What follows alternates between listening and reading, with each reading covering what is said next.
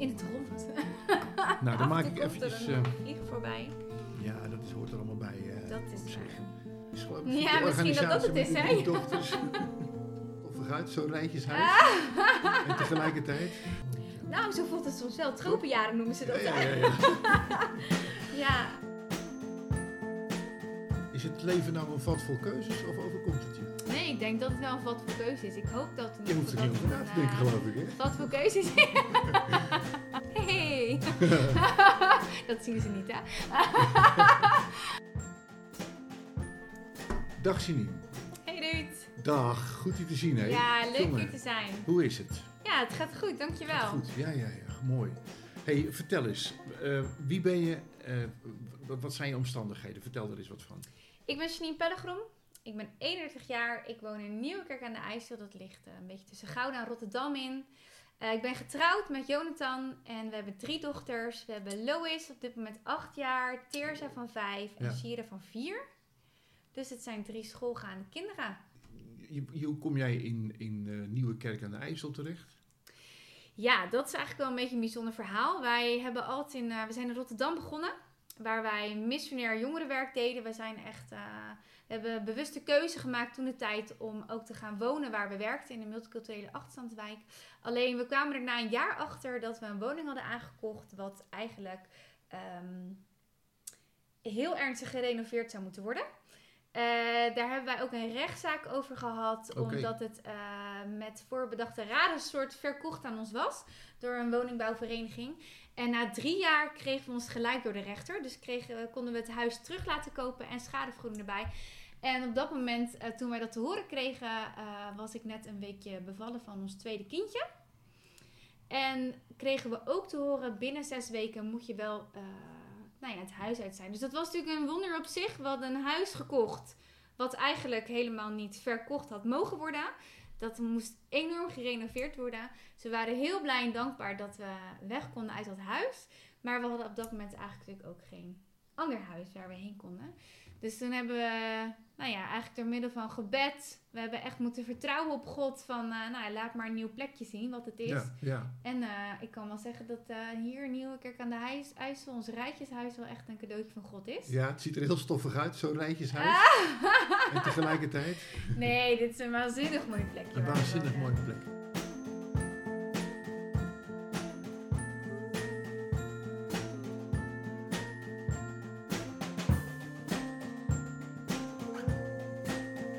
Jullie zijn eh, als, als eh, echtpaar zonder kinderen in Rotterdam terechtgekomen. Klopt. Jongerenwerk gaan doen, wat, eh, hoe Ja. dat is? Ja, nou, het was eigenlijk zo. We waren allebei aan het afstuderen. Ik voor de opleiding Sociaal-Pedagogische Hulpverlening en Jonathan voor meer de business eh, kant. Oké. En eh, in die tijd was er een vriend van ons die zei: hey, ik ga een sportproject doen in Rotterdam. Ga je mee? Nou, dat heeft hij denk ik zo'n vier keer moeten vragen, want wij dachten, wij focussen ons even op onze studie. Toen dacht ik, nou, vooruit, laten we dan toch meegaan. En joh, ik kwam in die wijk en ik dacht echt, maar dit is zo cool om hier te zijn. Dit is, kijk, ik studeerde hulpverlening. Ja. En dan kom je dus in een, in een setting terecht waar mensen dus nadat ze allerlei dingen hebben meegemaakt bij je komen. Maar hier beginnen dingen. In zo'n multiculturele achterstandswijk. Ja. Daar moet je zijn, dacht ik. Dus ik dacht, volgens mij is dit wel op mijn lijf geschreven. En uiteindelijk eh, zijn Jonathan en ik eh, dat avontuur samen aangegaan. We zijn getrouwd. Ehm, en daar begon eigenlijk ons grote avontuur met God. We, zijn, eh, we hebben ervoor gekozen om het echt op basis van missionair werk te laten doen. Dus we zijn echt het avontuur van leven op giften samen in Rotterdam met onze poten in de modder gaan doen. En ehm, tegelijkertijd een huis aangeschaft wat eigenlijk niet verkocht had mogen worden. Nee, maar wat eigenlijk al wel een wonder op zich was, want we konden natuurlijk eigenlijk in Rotterdam, moet je je voorstellen, in Rotterdam waar je wachtlijst hebt van zeven jaar voordat je überhaupt een huurhuisje kan hebben. Allebei eh, hadden we geen vaste baan, dus konden we eigenlijk helemaal geen huis kopen. Maar wel een verlangen hebben om in die wijk aan de slag te gaan. Dus eh, we hadden een datum geprikt, dan gaan we trouwen en dan gaan we samen daar ook wonen.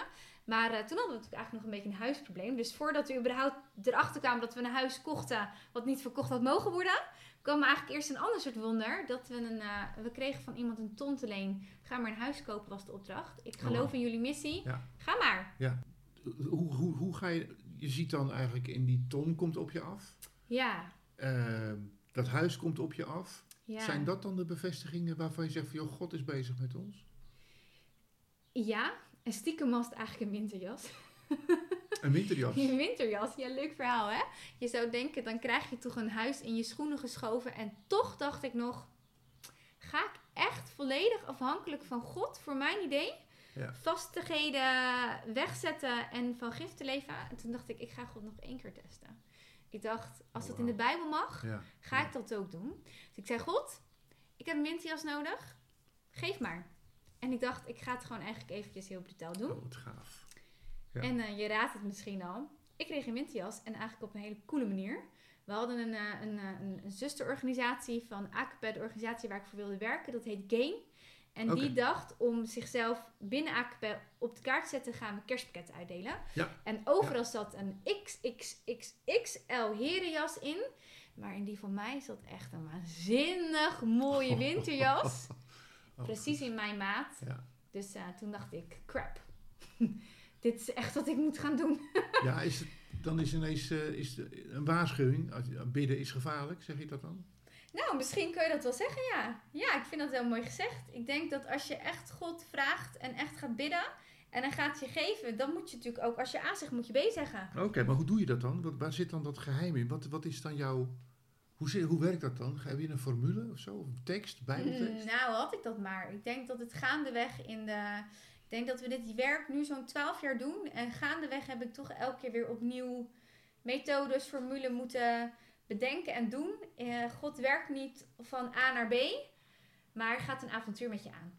Oké, En dat is denk ik een weg, een weerwar, waarin steeds één rode draad doorheen gaat. En voor mij is dat mijn relatie met God. En dat betekent gebed, bidden en dan ook doen.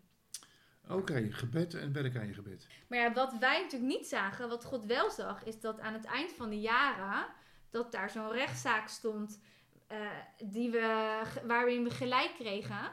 Maar dat proces moet je wel doorheen. Oké, dat is dat gun je niemand, zo'n proces zo te horen. Ja, wel. Want? Juist dat proces, dat vormt je. Weet je, er staat in de Bijbel zo'n verhaal dat God als een soort pottenbakker met klei aan de slag gaat. Weet je, en ik heb drie kinderen, hè, dus je wil niet weten hoe hier soms, als ze hier gaan klei, hou ik Mart vast. Want ik hou stiekem van heel erg een opgeruimd huis, maar als ze gaan klei, zit dat overal. Ja, Door elkaar heen. Van Ja. de, moet je van je vloerkleed opschieten. Maar weet je wat die kinderen doen? Ze maken waanzinnig mooie dingen. En ze vormen het, ze kneden het, ze mixen kleuren door elkaar. En God zegt, ik wil met jou aan de slag. Zoals die klei, zoals die kinderen met die kleine slag gaan. Zoals een pottenbakker met zijn klei aan de slag gaat. En dat is denk ik dat proces waar wij niet altijd zin in hebben. Maar waarvan je achteraf denkt, oh, maar dat was weer zo'n potje. Ah, Oké. Ja, hij maakt er geen potje van, maar hij maakt er een potje van.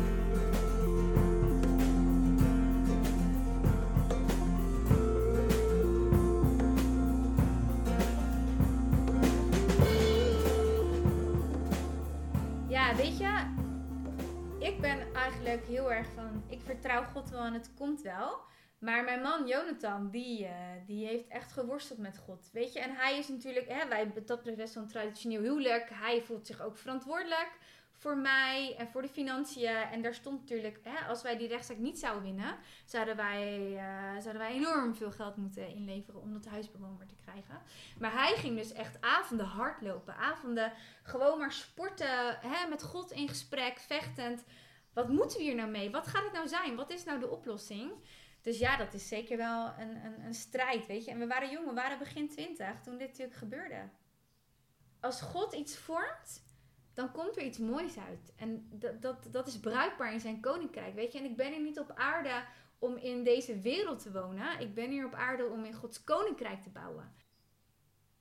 Welk moment zeg jij van, eh, daarin ontdek ik ook dat bidden ook hard werken is? Wat, wat, waar zit de crux van, van bidden? Nou, misschien kunnen we teruggaan naar dat verhaal waarin God zegt: Ik wil met jou aan de slag gaan als klei. Kijk, dat, dat proces, dat kneden, dat vormen, dat is gewoon niet altijd heel erg fijn.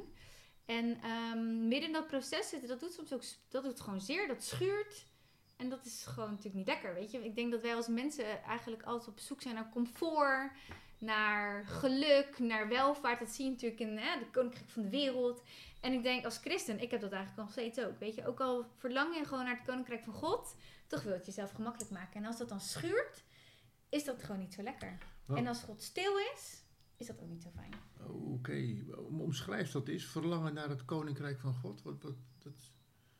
Geef dat eens een beeld. Ja, weet je, ik geloof heel erg dat we hier in het koninkrijk van de wereld leven. Ehm, en dat blijft totdat het einde van de wereld er is. En hoe lang dat duurt, dat weet niemand. Maar in die wereld speelt nog een andere wereld zich af. Dat is het koninkrijk van God. En eh, ik denk dat wij als christenen eh, eigenlijk met één been het koninkrijk van God staan en ook gewoon nog in de wereld staan. Maar wat natuurlijk, wat, wat mijn verlangen is, is dat ik steeds meer van Gods principes in mijn eigen leven toepas, uh, aan mijn kinderen doorgeef, dat wij als gezin ook het, de principes van God uitstralen naar ons heen. Gewoon het zijn van Gods koninkrijk. Dat, dat ons huis gevuld is met zijn liefde. Dat mensen er welkom zijn. Ja, dat is voor mij dat koninkrijk van God. Dat zit in jezelf, dat zit in je huis. Is het leven nou een vat vol keuzes of overkomt het je? Nee, ik denk dat het wel een vat vol keuzes is. Ik hoop dat het Je hoeft er niet over na te denken, uh, geloof ik. Hè? Vat vol keuzes Nee, ik denk dat je zoveel keuzes hebt. En dat het eigenlijk ook prima is. En dat er niet... Ik geloof niet in één weg. Maar ik geloof wel in een, in, in, een, in een God met één plan. En dat wij daarin... Er zijn zoveel zijwegjes. En dat is prima. Dat is prima. Dus als jij voor een uh, tweesprong staat en je bidt... Heer, leid mij de weg en je krijgt niks te horen, dan zeg je van weet je wat, we gaan gewoon links en dan bemerken we het zelf wel. Ik hou erg van die tekst. Als je op een hè, ga op kruispunt staan, uh, kijk achterom naar wat geweest is, leer daarvan en maak op basis daarvan een keuze en het zal gezegend worden. Dat, daar geloof ik in. Ik merk gewoon na twaalf jaar in het missionair jongerenwerk ben ik gewoon zoekende, wat wordt die volgende stap? Ik ben 31, uh, eh, al mijn kinderen zijn op dit moment op school. Hey! dat zien ze niet, hè? maar dit is zo'n kruispunt waar ik gewoon op wil staan, weet je? En het bewust op kruispunten gaan staan, dat is denk ik goed, weet je? Ga maar worstelen, ga maar kijken wat is goed.